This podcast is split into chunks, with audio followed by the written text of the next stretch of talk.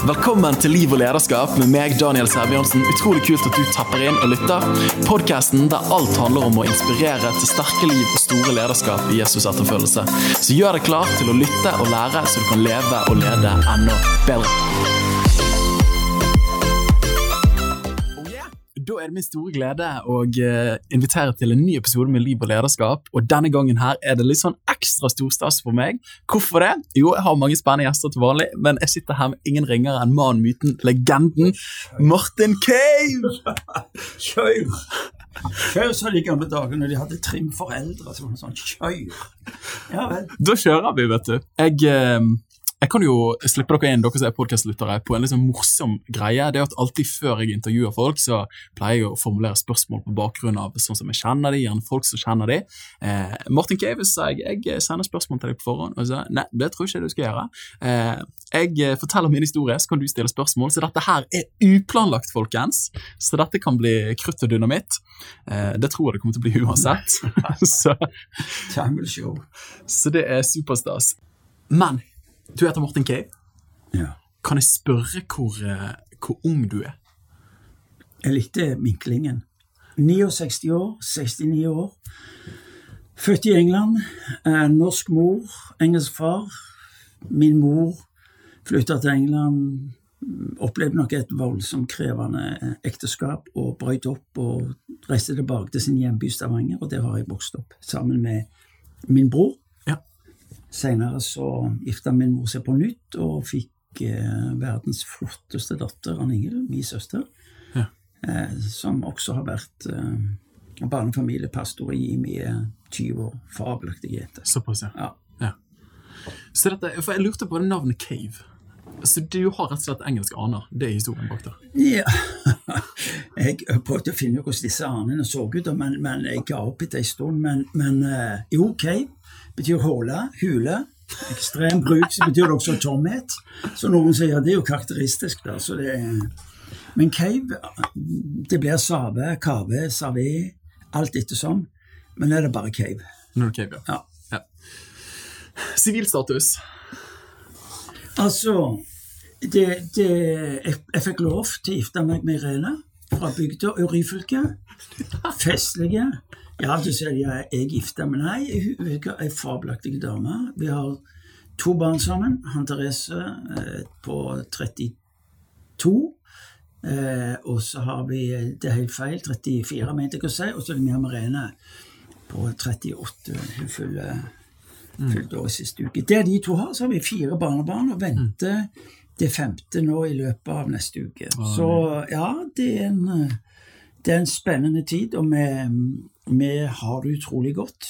Familie er viktig for oss, og har på et vis sånn eh, mer og mer også fått konsekvenser for ja, hvordan tenker vi men, altså Hva er menighet for noe? Ja. Og, men Det kan vi forstå, kommer komme tilbake igjen til litt senere. Men, men det vår bakgrunn. Eh, liten familie, fordi at eh, det ble seg nå ikke at noen fra min fars side som var i Norge. Men eh, jeg vokste opp, vokste opp i slummen. Altså Min mor kom fra England, ung mor på 24 år. Var hun fra Ryfylke? Hun var fra Stavanger. Ja. Så det var to steder i Stavanger hvor vi vil si der, og der, der samla de raben.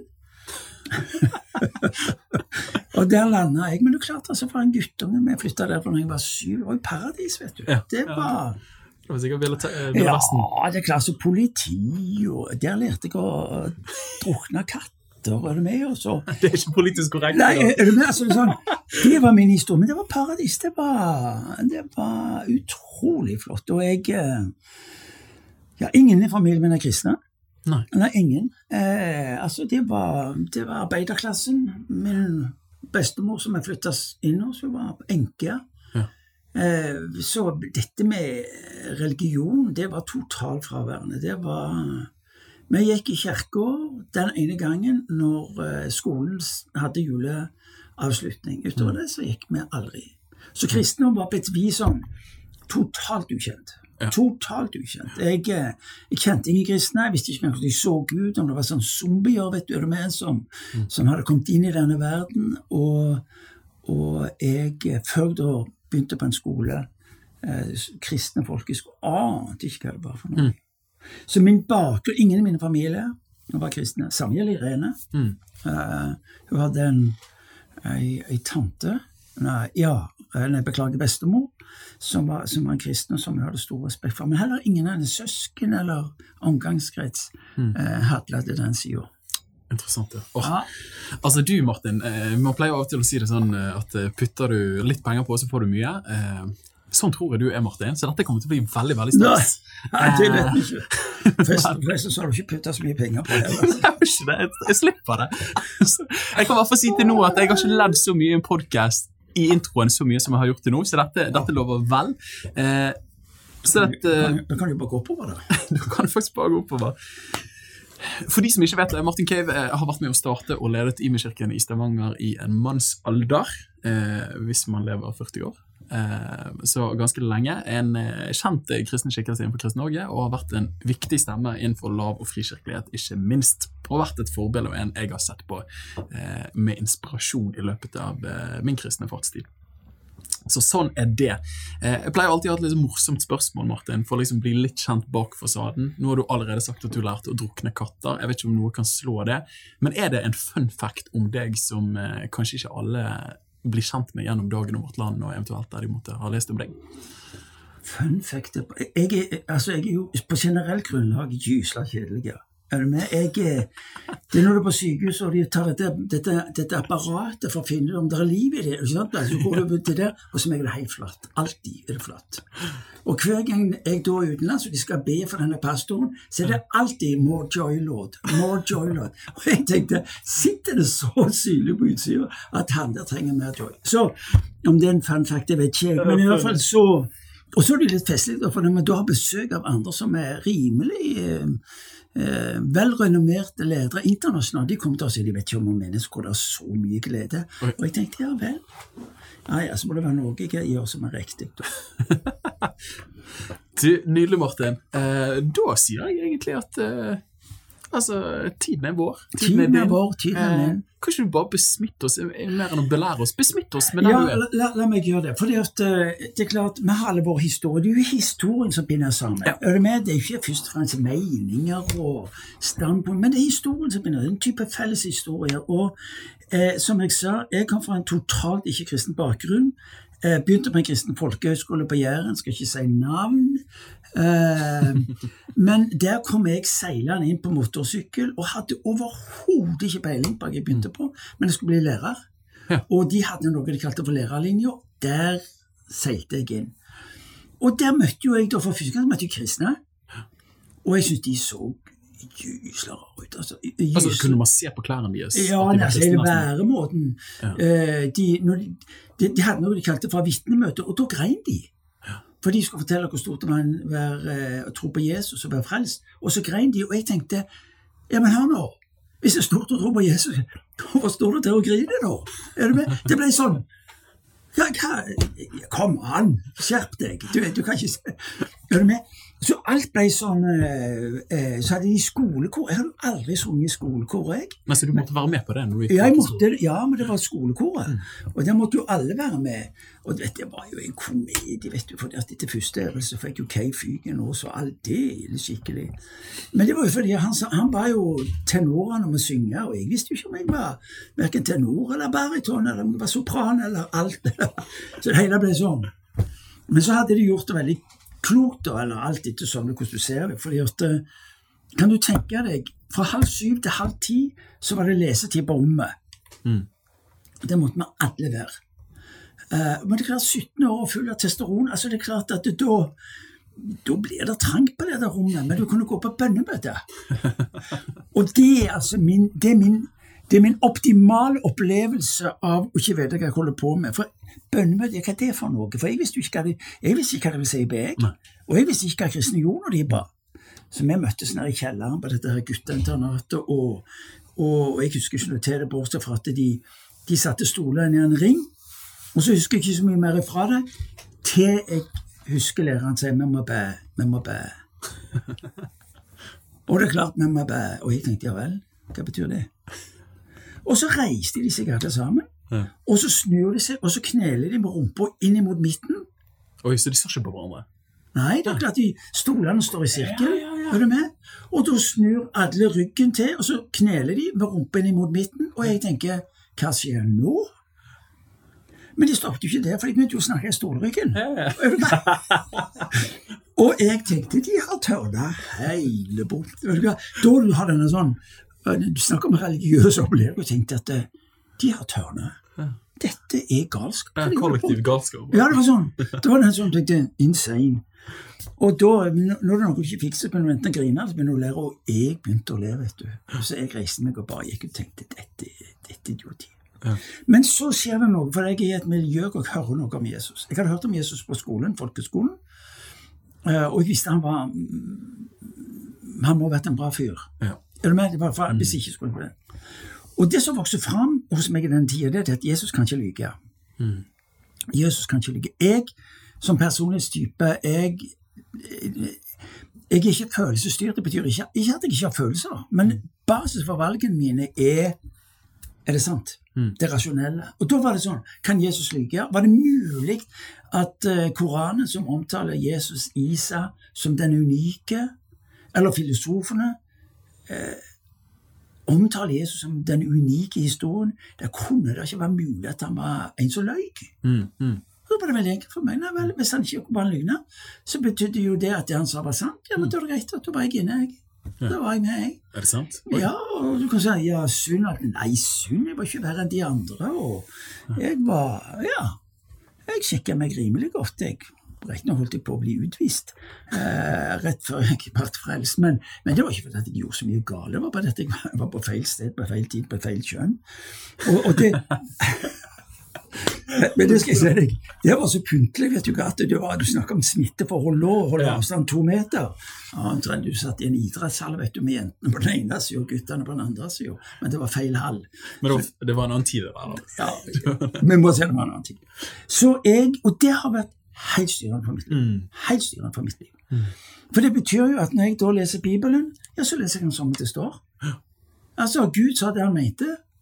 Det var det han sa det. Ferdig sak. Ja, jeg skjønner det. Og sånn, eh, jeg, har, jeg har aldri tvilt på Gud, jeg har tvilt mye på meg sjøl. Mm. Ja, men den, det er grei, det kan jeg leve med. For han har sagt at det er helt i orden om du tviler på det, så bare du sørger for. Så, så det å ha et innsteg i kristen tro hvor ja, Jesus er sannhet for meg. Ja. Så enkelt. Og det betyr at alt han berører, har med sannhet. Og nå, når folk da litt, sen, litt lenger ned på veien, du blir menighetsleder, alt det der, og du er opptatt med Hva var det Jesus sa? Han sa det om de syke, han sa det om kommunikasjon, osv. Ja, ok, men da gjør vi det. Ja. Ja, han kan ikke ha ment å si disse til skal følge den som tror.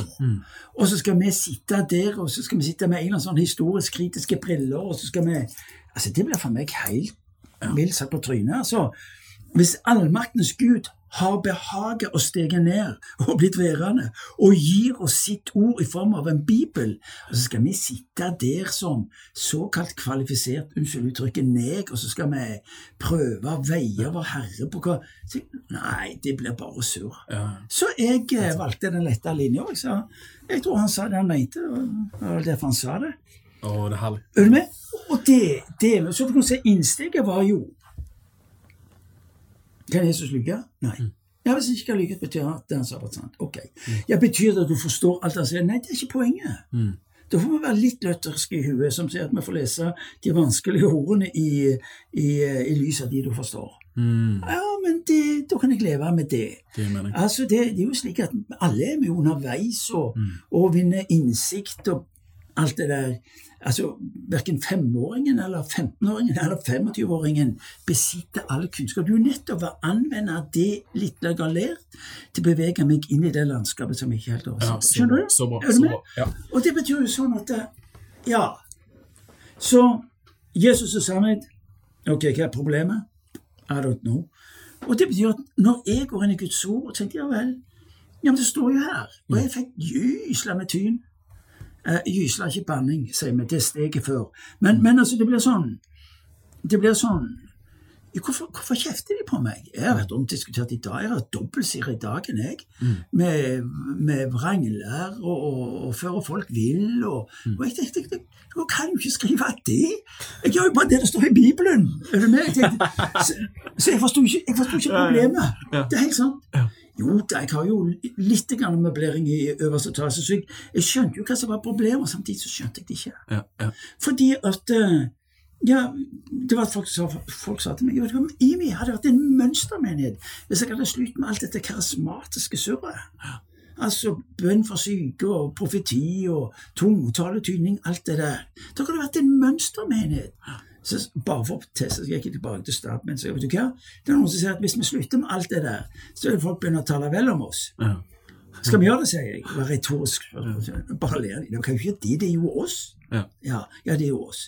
Og, og vet du hva, Daniel? Jeg tror at eh, noe av vår store tragedie det at, som kirke, det er at vi, vi, vi er på et vis opptatt med å gjøre Gud relevant. Mm, mm.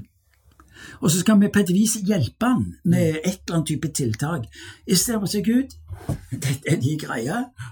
Eh, hvis du mener at ikke vi er flinke på å gjøre deg relevant, så får du gjøre det. Mm, mm. Jeg vil ha mye heller allmaktens Gud eh, i posisjon til å gjøre seg selv relevant, enn at jeg, dette krypet borti hjørnet, skal prøve å gjøre allmaktens Gud. Så da ble spørsmålet for meg veldig enkelt. Både når det gjaldt menighet og hvordan fremstår i denne verden. Mitt spørsmål var hva gjorde Jesus attraktiv? Ja. Hva var det som gjorde at folk kom til ham? Og det er sånn, ja, det er mange forklaringer, men jeg tror det er tre hovedforklaringer på ordet hans. Mm. Han eh,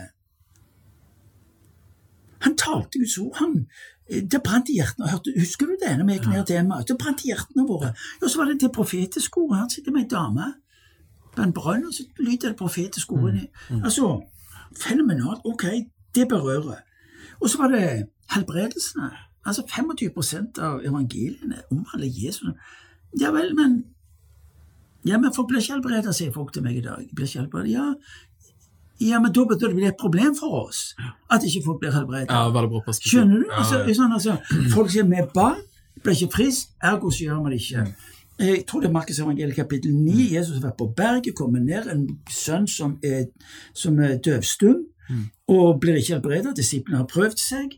Og så, og så sier Jesus dette driver ikke ut med bønn og faste, sier han. Og så spør disiplene, og det spørsmålet er det vi ikke må slippe. Det, disiplene spør, hvorfor, hvorfor fikk ikke vi det til? Mm, mm.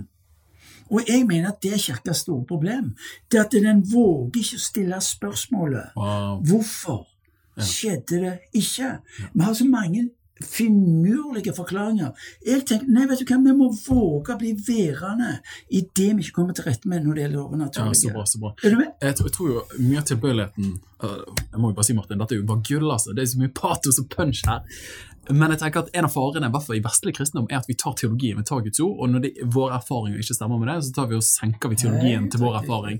Eh, og det er jo et kjempeproblem. På alle plan. Ja. På alle plan gjør det.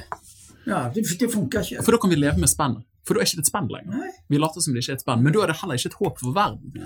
For dette er jo bare mer av det vi allerede har. Og jeg tenker Hvordan kan vi som kirke tillate oss Bare hør spørsmålet. Hvordan kan vi tillate oss å på et vis dissekere det liv som mesteren har rekt oss? Og sier du hva, dette skal følge dere. Når Nå sier du hva, nåde dere, sa han til disiplene. Hvis dere ikke lærer dem å holde, vil si gjøre det som jeg lærte. Det, det er det han sier. altså, Nåde dere, skal få meg å gjøre, hvis dere ikke gjør det. Hører dere?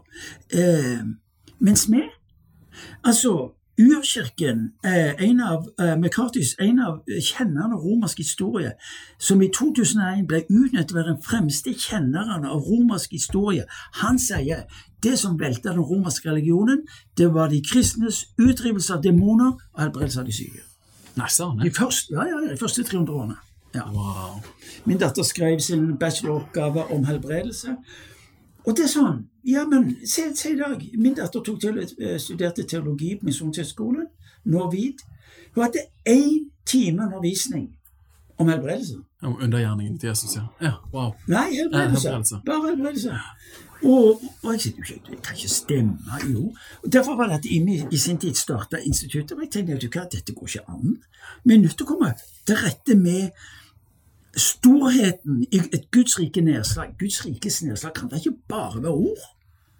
Nei, altså, Første Korinterne 24, Guds rike består ikke av ord, men i kraft. Ja, Sant? Men som regel når vi snakker om Guds rike, og særlig i vestlige termer, så snakker man type om eh, sosiale forhold, eh, at man klasseforskjeller blir utlignet. Og så eh, mange av de store historiske kirkene som gjerne blir mer politisk korrekt, bruker jo terminologien, terminologien Guds rike òg, mm. men man tør ikke å bevege seg inn når man snakker om eh, demonutdrivelse, helbredelse, undergjerninger.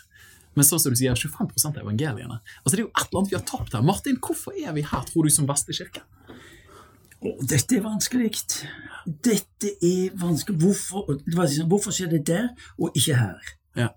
Eh, når denne forskeren og, og, vitenskapsmannen som har jobba med romersk historie, forteller det var dette som i løpet av 300 år vippa det, det romerske systemet over ende. Og så, og så eh, Hva er forklaringen? Ah, nei, la meg si det sånn først.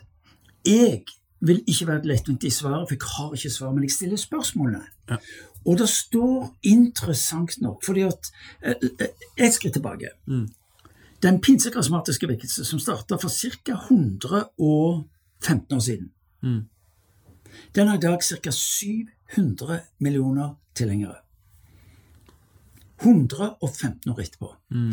Den lutherske stammen, Mm. som har holdt på i over 600 år, Mm. Har ca. 40 millioner. Mm. Og så kan du spørre ja vel, det er interessant. Ja, Hva kjennetegner, hva fyller en pinse, pinsekarismatisk Jo, den undertegner mirakler.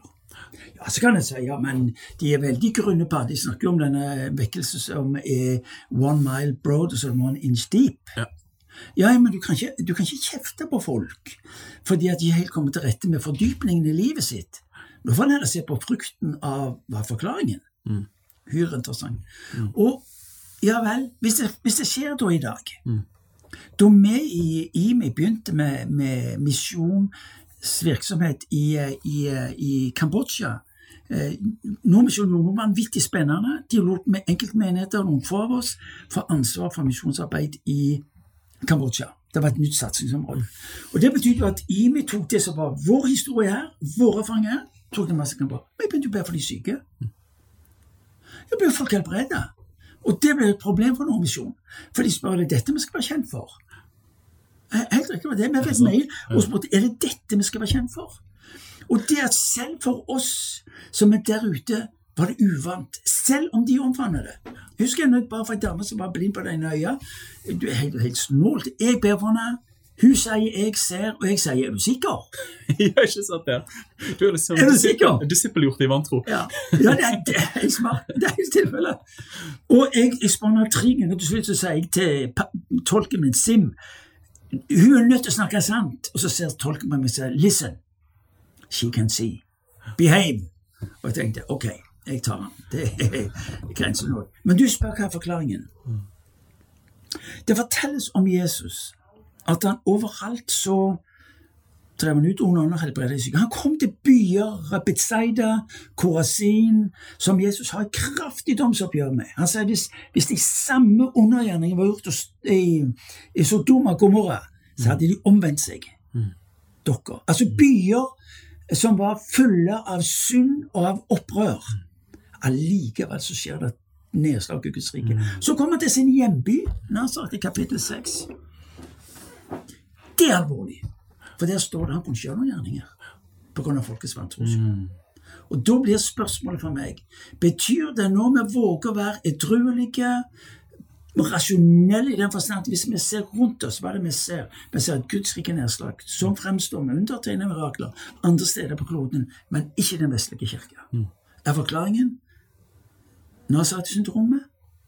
Nemlig at det ligger der er en, der er en type åndsvirkelighet i dette området som blokkerer. Så står det om Jesus, bortsett fra noen få. Ja. Hvorfor ble ikke alle Nei, jeg tror at vi høster Jeg mener vi høster frukten av at vi lever i en åndstype virkelighet som, eh, som lammer, og som ender opp med som Jesus. Han kunne ikke helbrede, bortsett fra noen få. Mm, mm. Og de ser vi. Vi, vi får Ja. vitnesbyrdene om det, og for meg blir det egentlig bortsett fra noen få.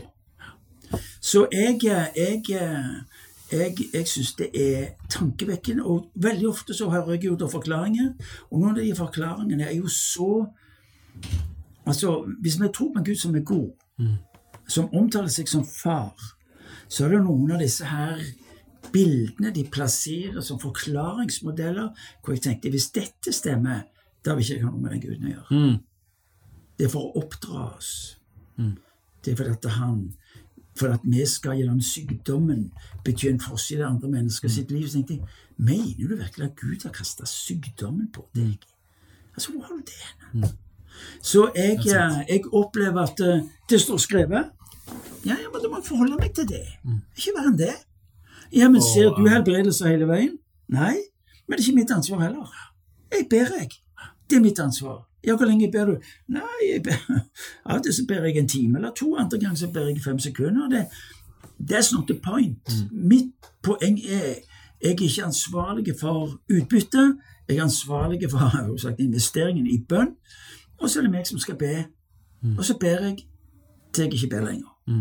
Jeg synes det er en fantastisk tilnærming, Morten. Og jeg synes, det der er jo en god, gammel lekmannsånd. på en måte. Står det skrevet, Ja. da gjør vi det. Eh, og jeg elsker historien. Jeg vet at du er inspirert av eh, John Wimber og Winyard-bevegelsen i sin tid. Men John Wimber sin historie òg. Ikke sant? Ikke sant? Han, eh, det er en som er syk her, vi må be. og var det rundt 1000 stykker han ba for før det skjedde noe? Det var i hvert fall mange mennesker. Men da bryter det løs. da. Og jeg synes noen sier det så bra. Ja, det er veldig vanskelig å se helbredelser hvis ikke du ber for noen syke. Ja. Eh, og det er jo kanskje litt sånn diagnosen på vestlig kristendom òg. Sånn, ja, men det skjer ikke så mye her hjemme.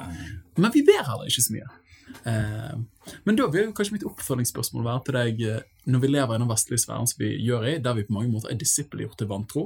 Vi kommer fra generasjoner der man har sett lite av Guds kraft. Vi har fin teologi, men vi har dårlig praksis. Hvordan kan man være med og se en kultur, eller en troskultur, som er med å bryte gjennom denne vantrokulturen som preger mye av det vestlige virkelighetsforståelsen? Altså, Noe av dette har jo med forkynnelse. Altså, troen kommer av forkynnelse. Ja. Og da kan du si, hvis vår kirke med sine teologiske institusjoner ikke underviser om helbredelse, ja, da sier det seg selv at det norske folk har ikke forhold til dette. Det sier seg selv. Altså, det var jo komisk fordi at jeg eh, når vi startet instituttet, bla, bla, bla, og så kom vi i gang med det, så møtte vi da Vi har en fantastisk god relasjon med med, med Vid, med, med, med ledelse med Bård Mæland. Kjempefine folk. Eh, men så spurte Bård meg en gang du, hvorfor i all verden eh, Hvorfor starta dere egentlig instituttet? Så jeg nei.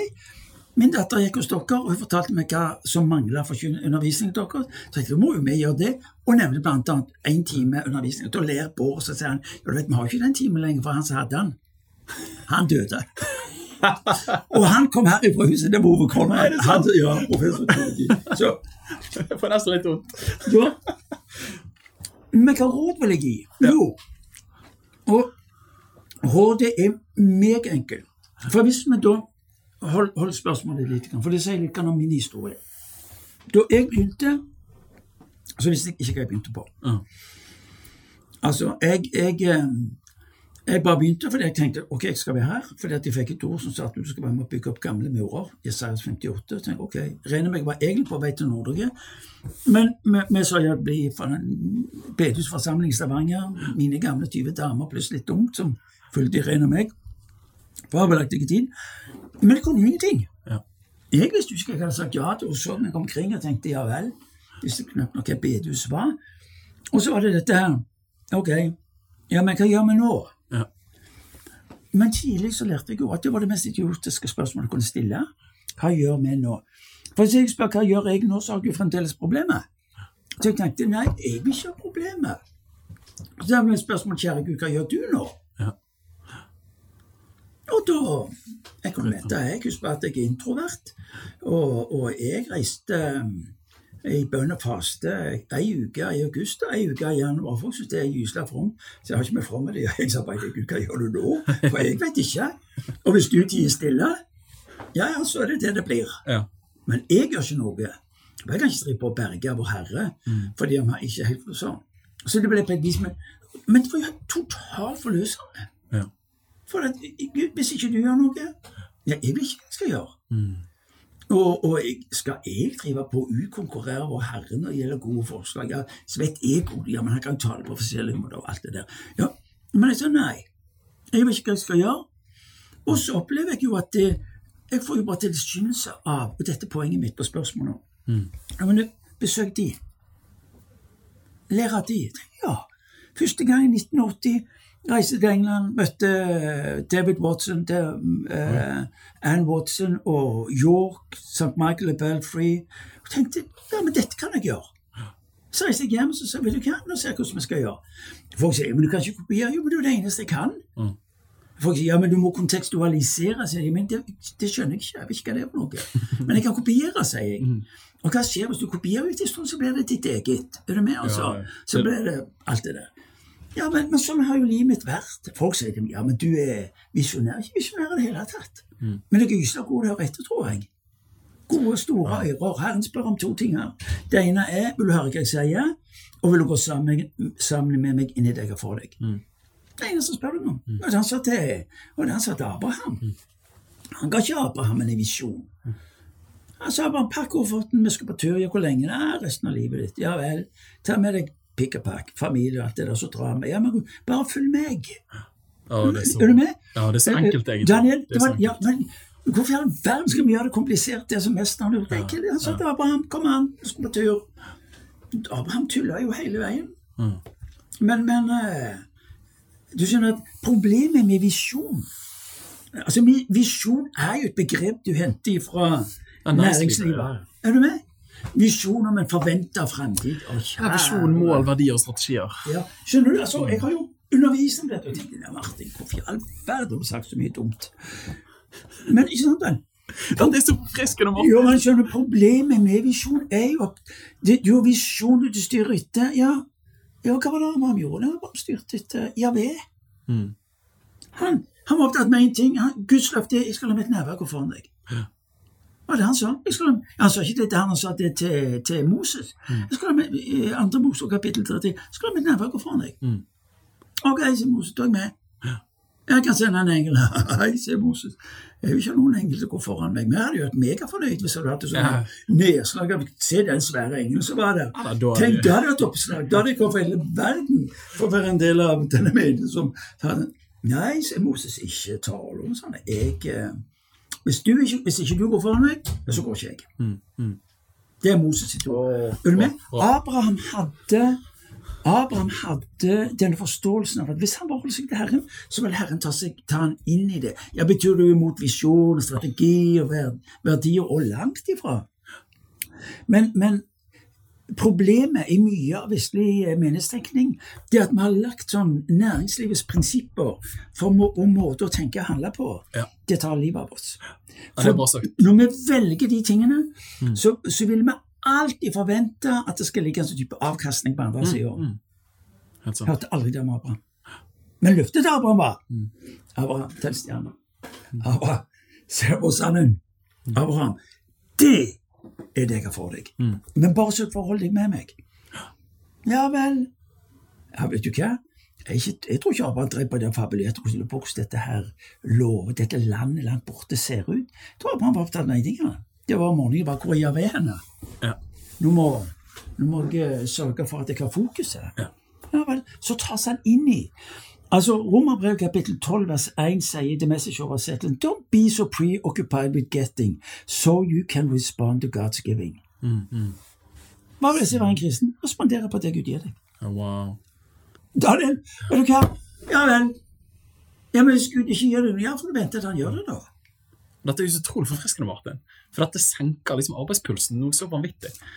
Og nå er jo jeg en del av den yngre, yngre generasjonen som står i meningslederskap og er liksom på vei til å, til å innta det enda mer. Men jeg merker jo akkurat det du sier, da, næringslivslitteraturen for å definere hva er lederroll, hvordan leder vi, så ender vi opp med effektivitets- og eh, nummerparametere på suksess istedenfor frukter. da og istedenfor menneskelig forandret. Og vi kan termene, vi kan sjargongen, jeg vet jo hva jeg skal si, men vi alle kjenner pushet av og til likevel. Og ikke minst med sosiale medier, inntog av det. Så får du i hvert fall en daglig påminnelse om hvor du kommer til kort. Åh, Det er mange ting jeg har lyst til å touche på, men vil du bare kommentere det? Jeg starter med å si Hva råd vil jeg gi? Det er at det du opplever For det første, Gud tar Som er lett å henge med miljøer. Og etter hvert som jeg begynte å henge med de miljøene, så ble vi en del av en felles historie. Og så vokste det fram noe som hadde levd hos oss ubevisst i mange år, nemlig forståelsen av menigheten som familie. Så jeg pleier å si det slik Ikke vær så opptatt med det som du ikke kan, som å henge med de som kan. For eksempel helbredelse. Vi ser ingenting helbredelse nå. Ja, ja, ja. Men da må, du henge med de som gjør det. Ja, men de er weird people. Ja, de er, ja men ja. drit nå i det, da. Hva- Altså, hvor, gi meg den perfekte utgaven av et gudsrike nedslag i denne verden. Ja, men jeg har sett noen av disse Ja, men hør, sier jeg. Jeg har sett YouTube-filmer. Det er klassikeren. Ikke sant? Og da trekker man seg du, så tenker du, å, kjære Gud, for et opplegg. Jeg sier til folk, jeg, hør nå. Du trenger ikke ta hele pakken av det du møter, men hvis de har noe du ikke har, så våg å være der. Ja. Du møter ikke den perfekte utgaven. Ja, men han er og Jeg har ikke behov for å nevne norske navn på de der, men ja, men han gjør sånn, og hun gjør sånn, alt det der. Men her Hva er frukten av deres liv? Jo, de ser helbredelser. Ok, kan ikke det være, en greie? Kan ikke det være viktig nå? Hvis du opplever Gud tar, dere inn på et eller annet som har med helbredelse ja, så heng med de, da. Så Gud tror meg er overalt. Overalt. Og det er ingen som reist så mye utenlands som meg. Og folk spør ja, men du bruker mye penger. Ja, men vet ikke bedre. Kan ikke bedre. Jeg opplever Gud tar oss inn, så vi må Du må få litt voksenopplæring. Helt sant. Glimrende ord. Ja. Vet du hva, Daniel? Du, du, er så jeg sier til folk ja, ja, du skal jobbe med Ja, ja du, heng med oss. Vi er gode der. Eller heng med de. De, de er flinke på det. Eh, men men um, ikke vær så opptatt med disse bøkene som du skal lese. Disse bøkene vi driver på og sender rundt. Noe av det er jo helt håpløst. Fordi at de jo, men ikke sant, de bøkene nå altså En gang så skulle jeg skrive en endorsement, som det heter på, på fint. Altså en anbefaling i bok. Og leste du en bok om evangelisering? Jeg er introvert. Jeg eh, Kona mi, hun Alt det jeg ikke kan på det området, det, det kan hun. Hun er ekstremt dyktig. Så når vi møter folk og evangelisering er tema, da, da parkerer jeg bak ryggen hans, og så tenker jeg takk Gud for det'. Jeg får det ikke til. Er du med? Og så skal jeg leser jeg en bok om evangelisering, som skal hjelpe norsk kristenfolk til å komme i bevegelse. Og leser jeg boken knutka, hva, det er ikke tale om. Jeg er ikke i nærheten av å ville være en del av dette. Ja, dette kan ikke du anbefale. Jo, jeg gjorde jo det. Og du gjorde det? Ja, ja, ja. Du er høflig. Ja, ja, bare mangle. Men problemet er boka skrevet av en evangelist. Jeg er, en, jeg er altså en, en, en introvert, intuitiv tenker. Er du med? Så jeg, jeg må Så når du leser bøker, så må du finne hvem er disse folka? Ja. Men. Altså, hvem er disse folka? For hvis jeg, hvis, hvis jeg nå møter evangelisten som Han er kjempe, han er Norges fremste evangelist på, på gateplan og møter folk og kommunikasjon. Helt enorme fyr. Bor i Bergen. Eh, helt enorme. Fy søren for en flott fyr. Men det som er hans styrke, fordi han er en reinspikka evangelist, blir jo mare for meg. Og så leser vi disse bøkene, ikke sant, vel? og så tenker vi, det sånn vi skulle gjøre. Se på fruktene i livet. Det handler jo helt fantastisk. Martin, sånn burde du òg gjøre. Så leser jeg, men det er jo ikke meg. Det er ikke meg. Nei, nei, Er med? Så skaper det skam, og skaper det skyld, og så, og så ender du opp med det der greiene der. Så vi skal lære av hverandre, men det var som jeg hadde en Dette, dette er interessant.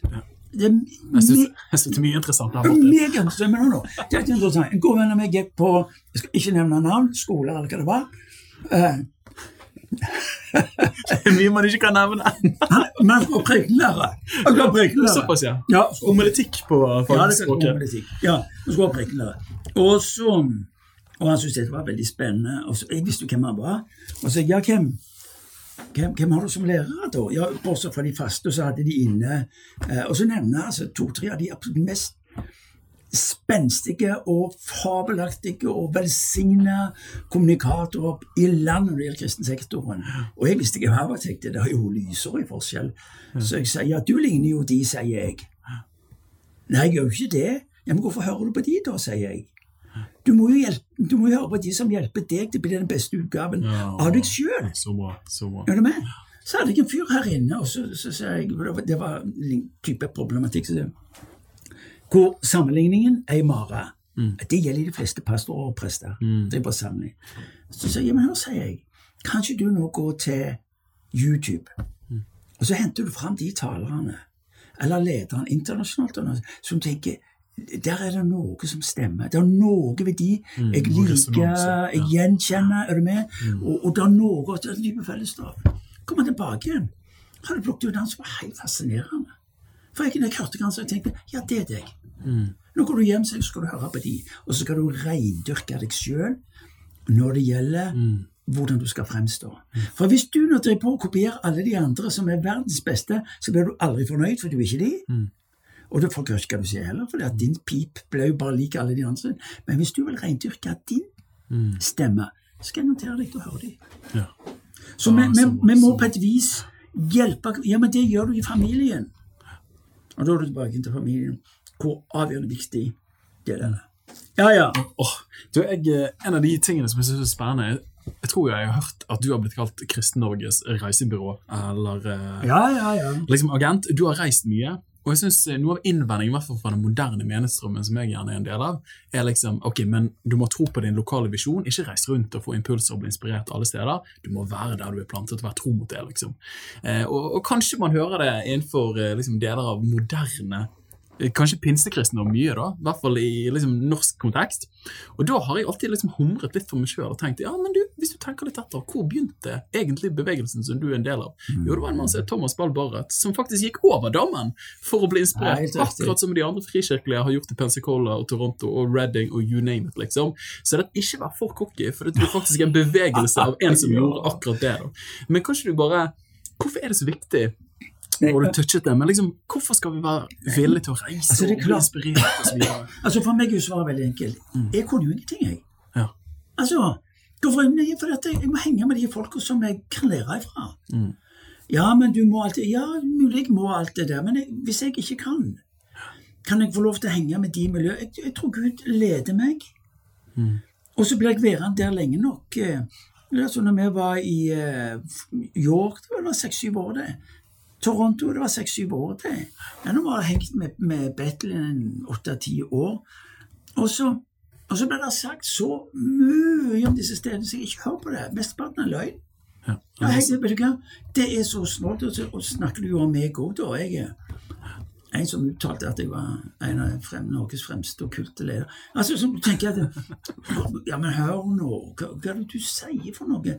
Så jeg sier til folk hvis du opplever at Gud tar deg inn på et område som du tenker dette er viktig for oss, må du spørre hvem som har det. Ja, så er det, ja, er, nei, det er fordi at jeg trenger å lære. Mm. Jeg trenger å lære. Det var som en sa til meg, en svært god venn han er med Gud nå, mange år siden reiste til Toronto. Han spurte hvorfor i all verden skal du reise til Toronto. Hvorfor, eh, hvorfor kan ikke Gud gjøre det samme her som han gjør det? Så sier jeg til han, jeg har ikke peiling. Så, Men la meg bruke et eksempel. Han hadde stått i vekkelse i Setesdal to år. Jeg tror det var tusenvis som kom til tro. Nabodalen var det helt dødt. Helt stilt. Ja, Betydde det at eh, Herren ikke elska de som bodde i nabodalen, da, sier jeg. Siden det kun var Setesdal som fikk en sånn en skikkelig dert. Eller var det at han ikke brydde seg? Hva var det som skjedde? De reiste fra nabodalen inn i Setesdal for å høre noe du forkynte, fordi de opplevde Guds rikes nedslag. Ja. Akkurat det samme vi gjør. Ja. Når noen av oss reiser til Toronto.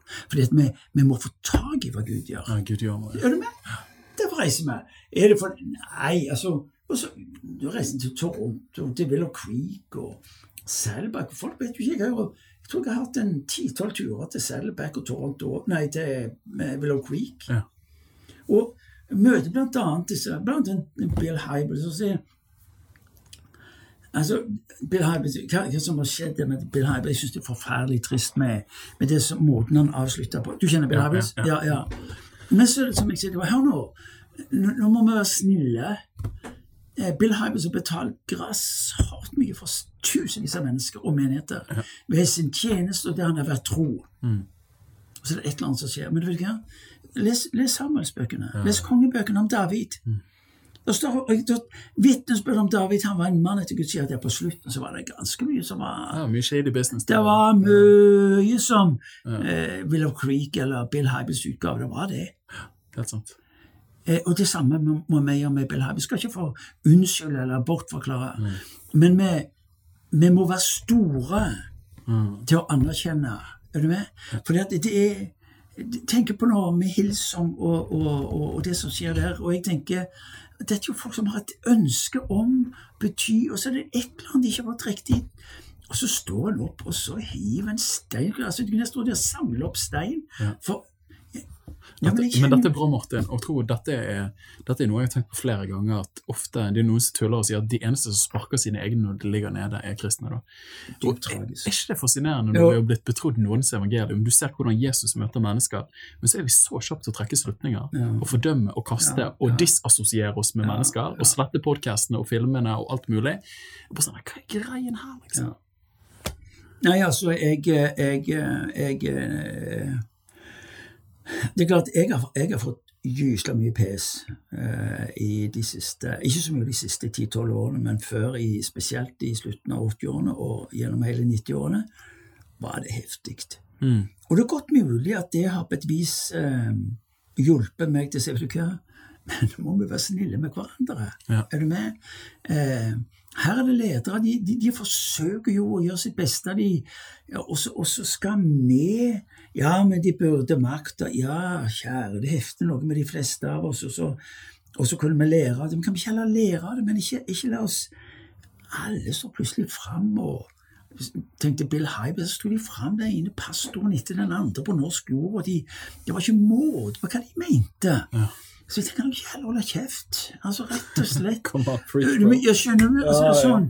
Man, man har ikke noe å mene om det, for man er ikke tatt på. Man kjenner ikke detaljene. Nei, jeg, jeg, jeg kjente at jeg ble forferdelig lei. Eh, og ja, hvordan hjelper vi hverandre? Ja, det er en annen sak. Men vi hjelper definitivt ikke hverandre ved å begynne å finne fram altså, alt som er av kasteutstyr. Fordi at, er du med? Fordi at det er Ja, det er jo dritt på enhver og en av oss. Så det er neste øyeblikk snur veden på motsatt Ja, side. men det det er jo det som er greia. Jeg husker når, når, når, ehm, når det smalt meg i Vinjard, og, og, og det som skjedde der borte. og Jeg samla staben min, jeg.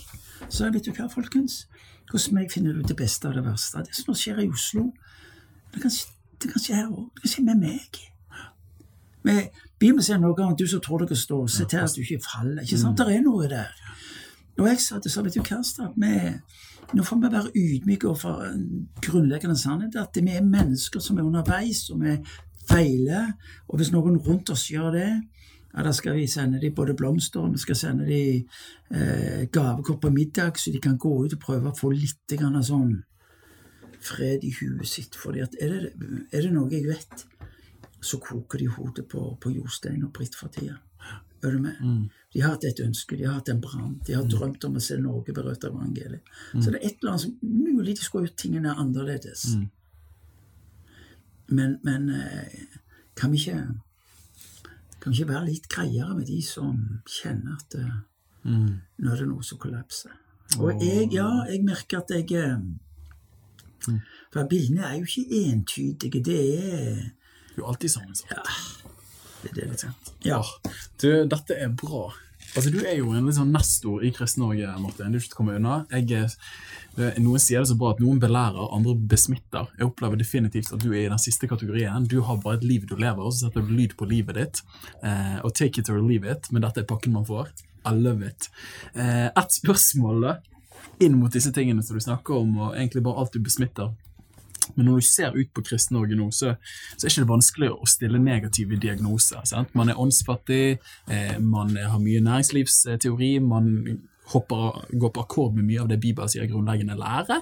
Altså på en måte Det er mange liksom, sykdomstegn i kristenheten. Men hva vil du si er noe av eh, de positive trendene eller mulighetsvinduene som du ser for norsk kristenhet? Altså På generelt grunnlag så må, altså Vi må jo lære litt historien. Ja, det er alvorlig, og det er alt det, men nå, det er jo historien, det. Hvis du tenker det fra år eh, 37, eller der omkring og framover Sånn har det jo alltid vært. Er du med? Altså Det er, det er opp og ned, og oppturer og nedturer, og så, og så sender Gud disse nåde-type bevegelser gjennom hele, hele kirkens historie. Det er ikke nytt at kirka sliter med livet sitt. Er du med? Det blir sånn Kom an. Altså, det er bare dette at vi har levd i en fase hvor alt tilsynelatende har vært drabelig godt. Ja vel, det er ikke sikkert det er så farlig om At det blir litt endring på det, Mm, mm. tenker jeg. Mm.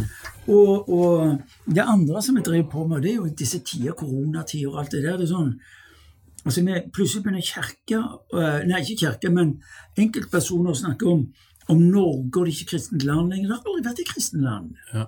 Så, Altså, vi, må, skjønner, vi må slutte å snakke om Norge som et kristenland. Ja, Ja. Og så ser du noen miljøer som, som overfører løfter som er altså landløfter, løfter som er gitt til et folk, Israel.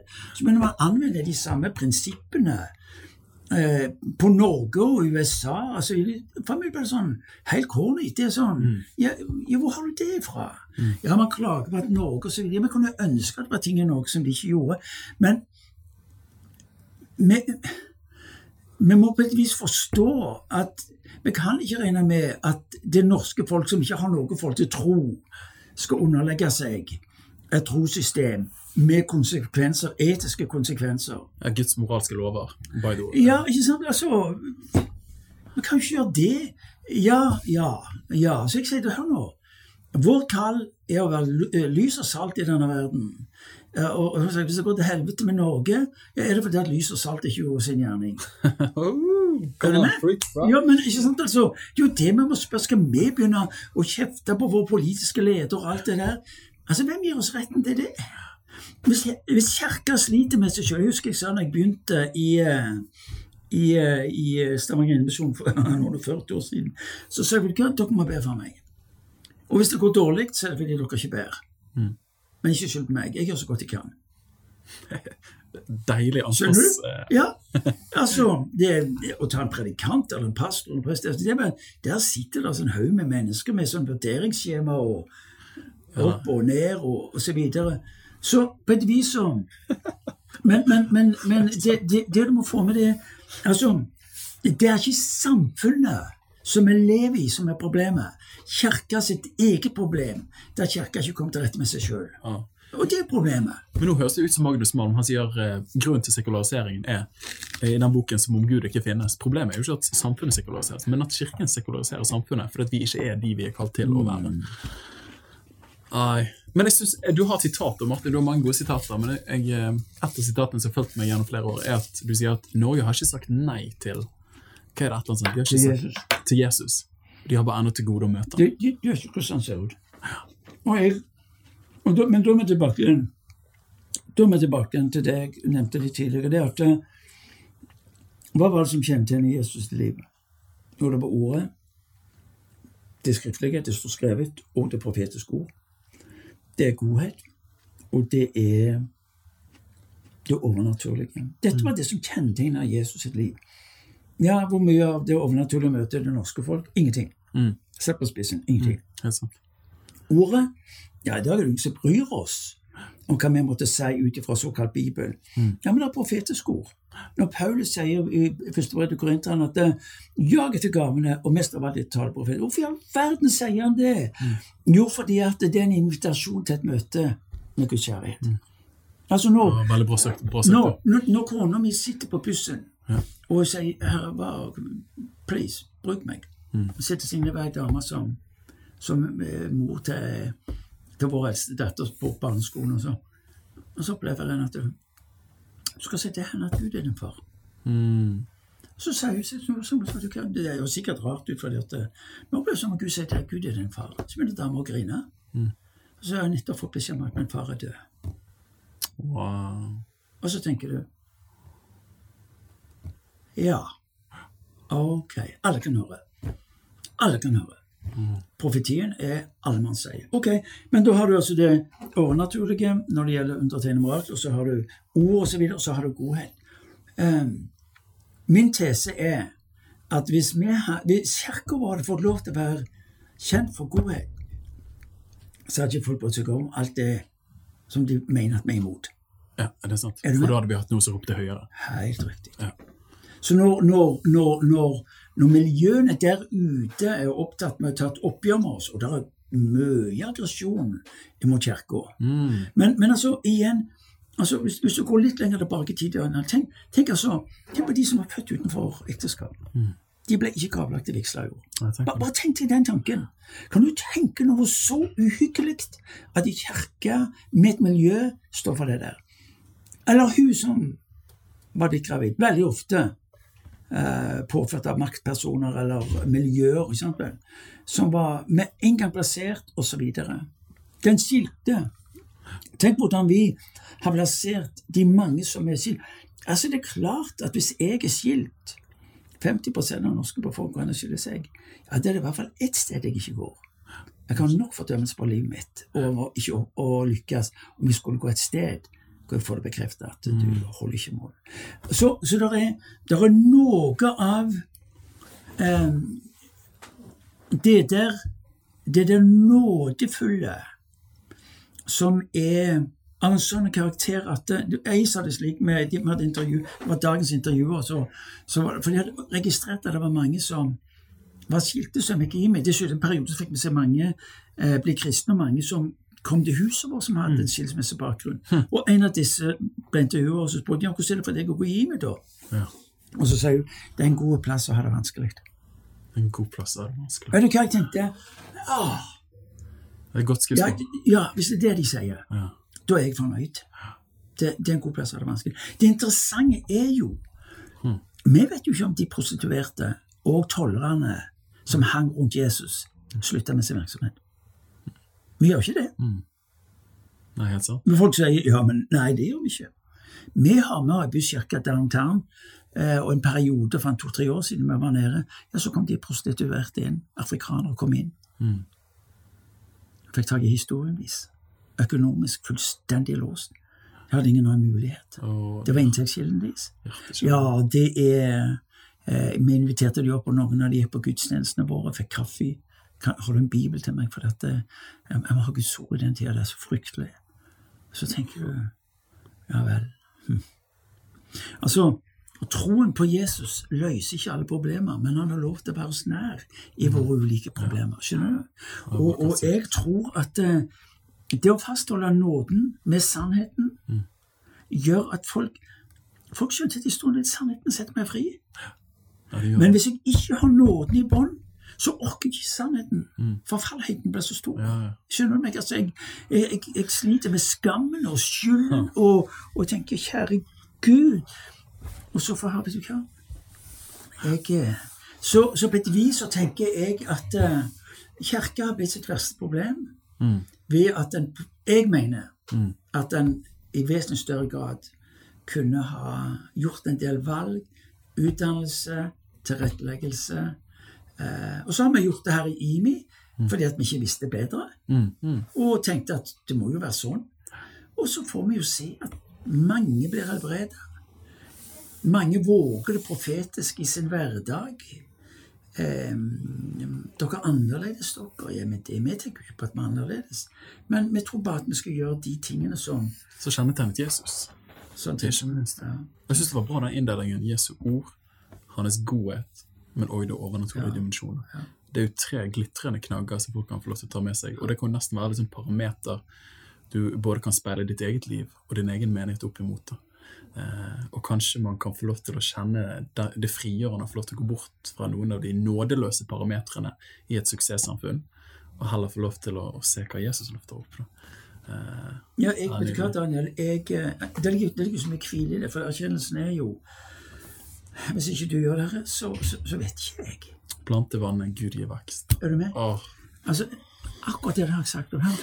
Jeg, kom, jeg, snakket, jeg tror blant jeg snakket med Håvard Kante, men jeg snakket med en annen om det. Jeg, jeg underviste på Pinnsvennene.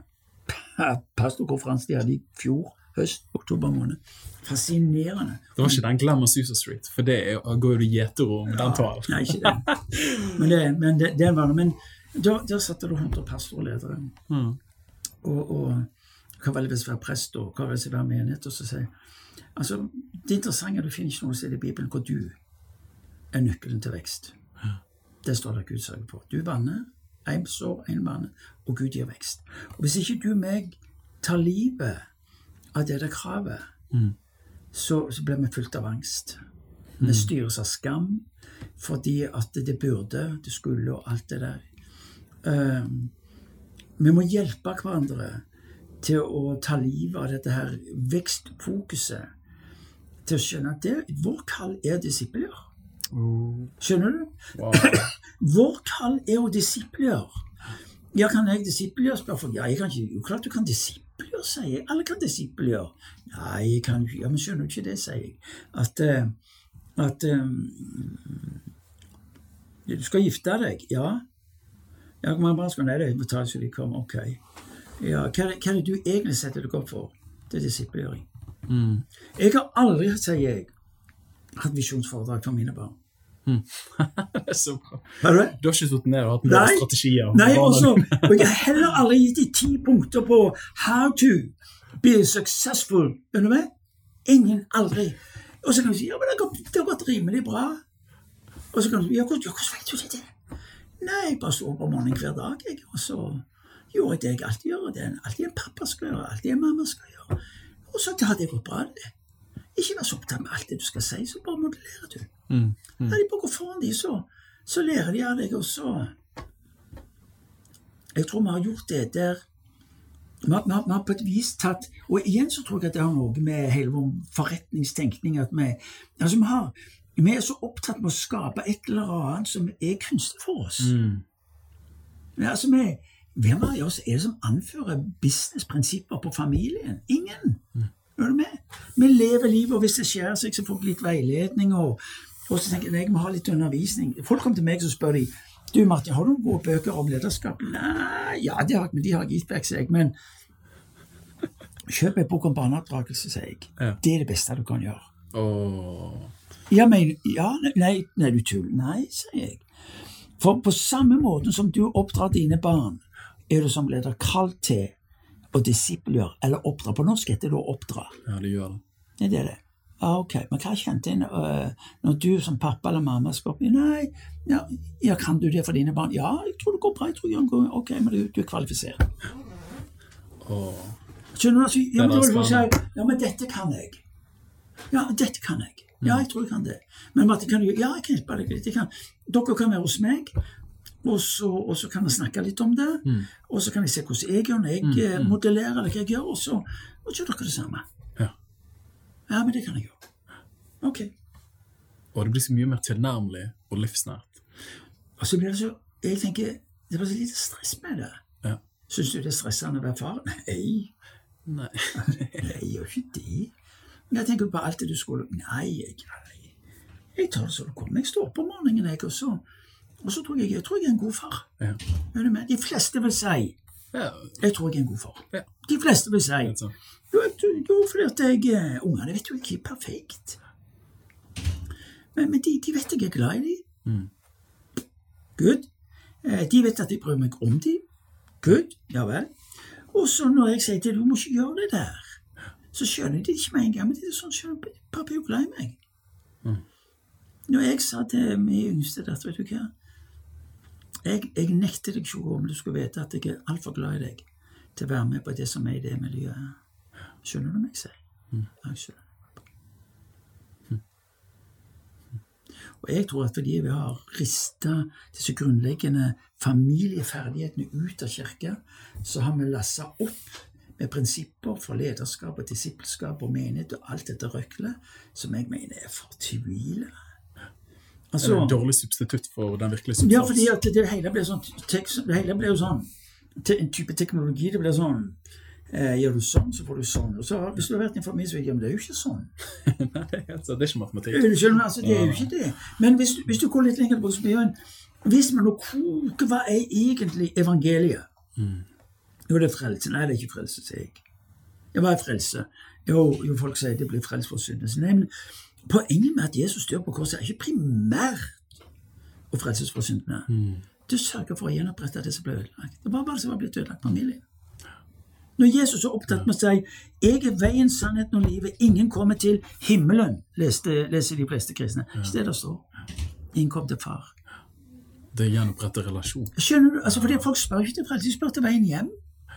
Å, det er bra. Er du med? Nå preker du bra. Jo, men skjønner du, altså, og du kan si Ja, men hvis det er slik at den norske befolkningen ikke spør etter frelse, men spør etter veien hjem, hva betyr det for kommunikasjonen vår, huset vårt?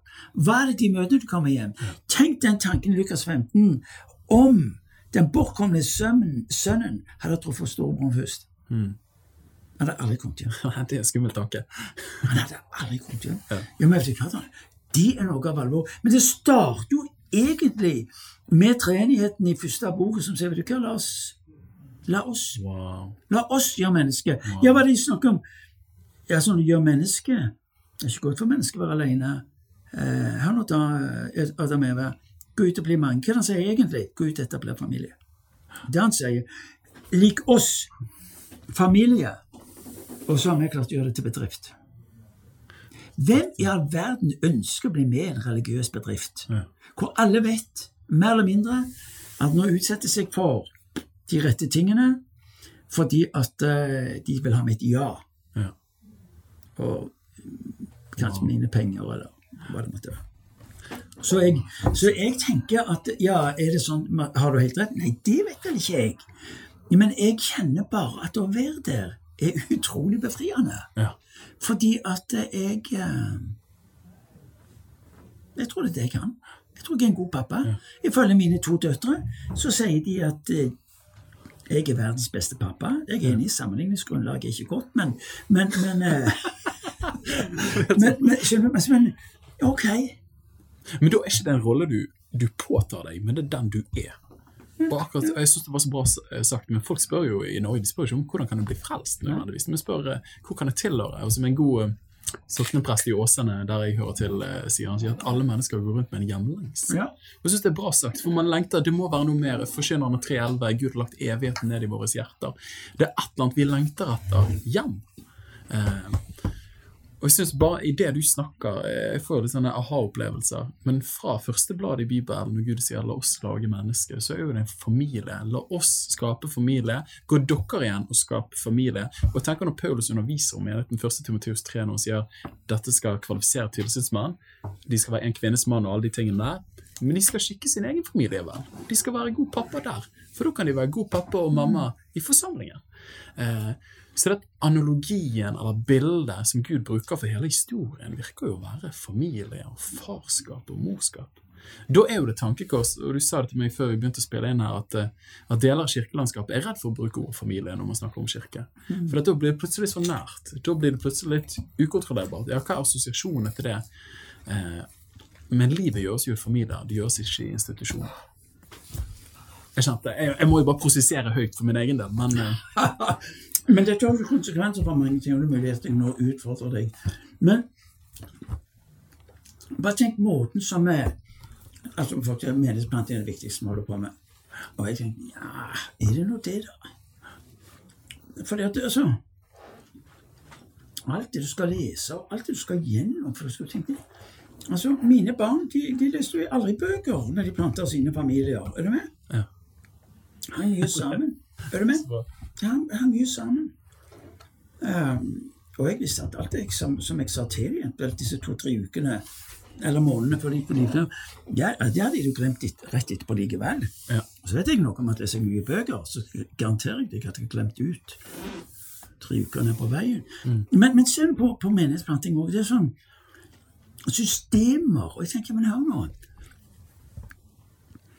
Det står at de etter forfølgelsen brøt ut i Russland, så de, de, de reiste overalt, forkynte Kristus. Er du med? Så møttes de i hjemmene. Priskilla og Kvill, Altså. Paulus henvendte seg til menigheten. Men det var ikke noe annet enn det var de som møttes i hjemmet. Til Priskilla og Akvilla. Og av det så tenker jeg at eh, vi har valgt oss å vet du hva, vi er gjøre det superenkelt. Det du har lært av å lede ei huskirke her, det er det du tar med deg. Ja, men det kan jeg gjøre. Hvis jeg, som 28-åring, hadde blitt utfordret på å plante meg, så hadde jeg ikke talt om. Tør ikke, kan ikke. Ja, men skulle opplæring, ikke tale om. Ikke tale om. For i det øyeblikket jeg, jeg opererer med type moderne menneskestenkning, så blir det for meg bedriften. Ja, du må jo ha svart belte. Skal Ja. flink nok. Godt sagt. Godt sagt. Ulme. Uh? Eh, men jeg kan starte huskirke. Det kan jeg. Kan jeg Reiser jeg til Ålesund og slår meg ned der, så tenkte jeg ja, ja jeg vil be for naboer, jeg vil be for de som rundt meg. Så, så vi invitere til middag. Og, og så, så er det noen som får lov til å vokse opp. Ja, men det kan jeg. Jeg tenker at hvis vi snur fokuset vårt og tenker at nei, jeg skal gjøre jeg skal gjøre hjemmet et utgangspunkt for den relasjonen som vi nå vil bygge, og så glemmer jeg alt om prinsipper.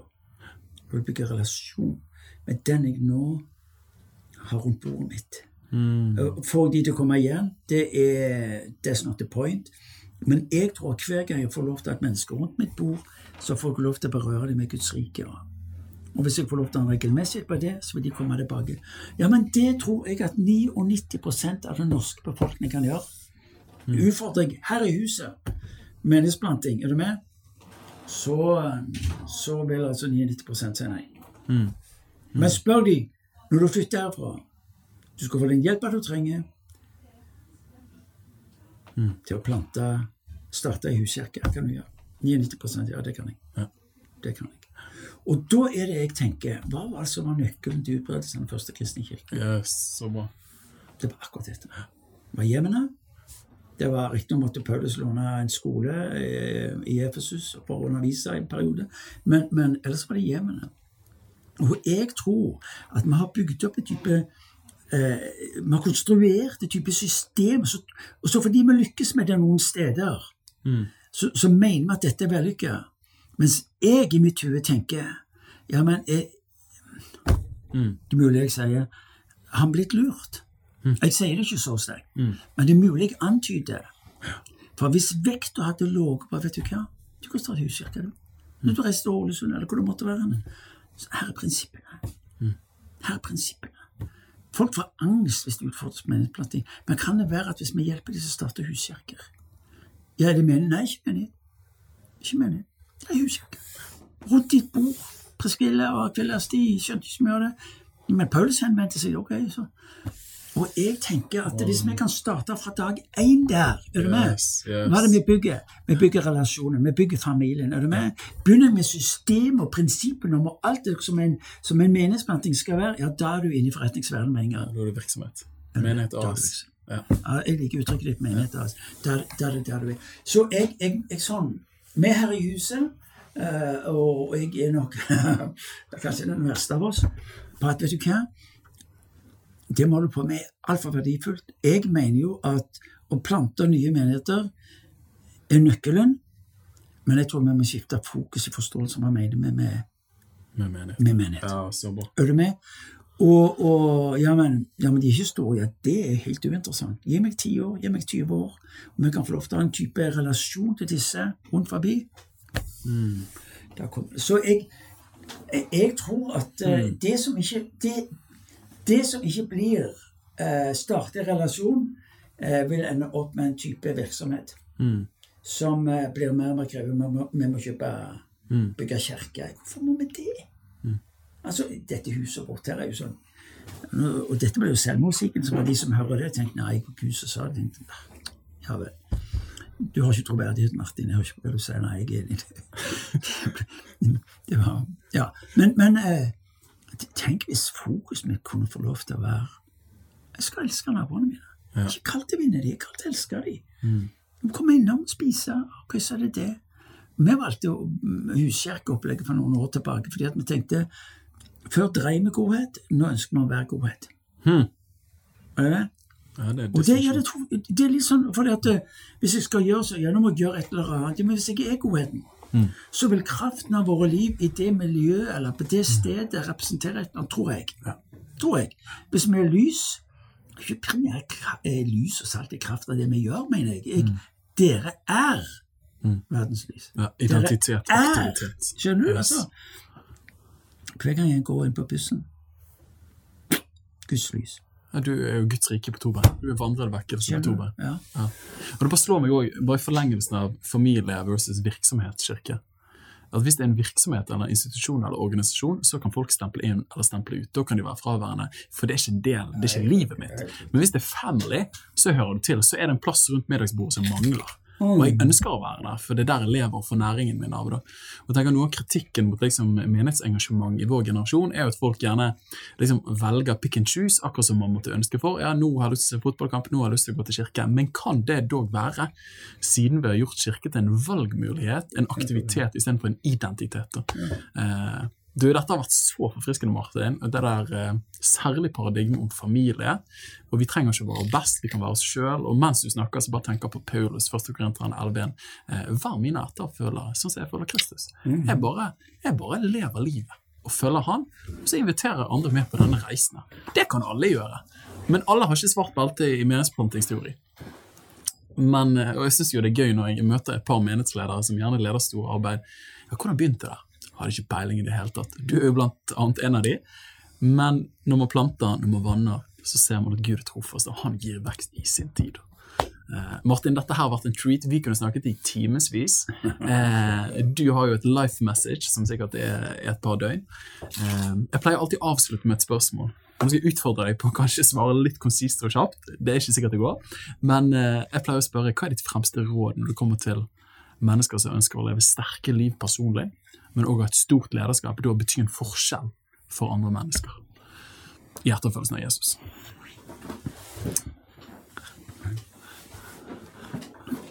Det er klart du må jo få mitt svar. Fikk svar på det. Jeg ble, jeg ble intervjua med tanke på en doktorgradsoppgave angående overgripere. Mm. Og vi hadde visstnok gjort, vi vi hadde visst gjort en god jobb. Altså offer, overgriper, mye stoff på, på offer.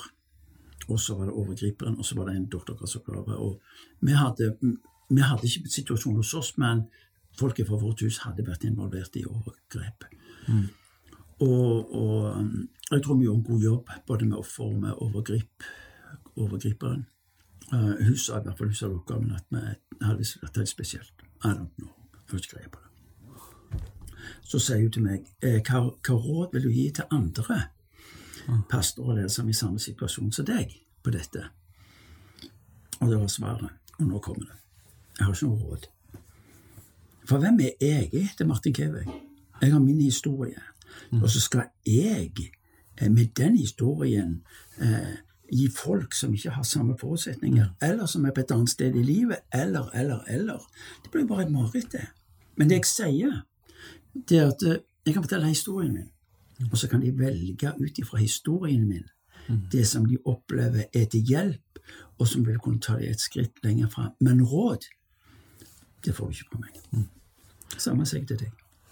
Tusen takk, Martin. Dette her er liksom samtale i et nøtteskall. I love it. Uh, dette her har vært en treat. Jeg har ledd masse. Det har vært berikende, og mest av alt så er jo du en besmittende skapning på to bein av Guds liv. Uh, så jeg er sikker på at flere folk uh, fikk mye ut av dette. her. Hvis du har lyst til å holde koll på hva Martin holder på med, så er det sikkert litt vanskelig. Men han er på sosiale medier, tror jeg. Ja, det er du. Oh yeah! Takk for at du lyttet inn til Liv og lederskap, og håper at du ble inspirert til å leve sterkere og lede større Jesus-etterfølgelse. Hvis denne episoden ga deg noe, del den veldig gjerne videre til en venn eller to, sånn at de kan bli inspirert. Og husk det at ditt liv, ditt lederskap, betyr en forskjell, så ikke len deg tilbake, men len deg framover. Vi trenger deg.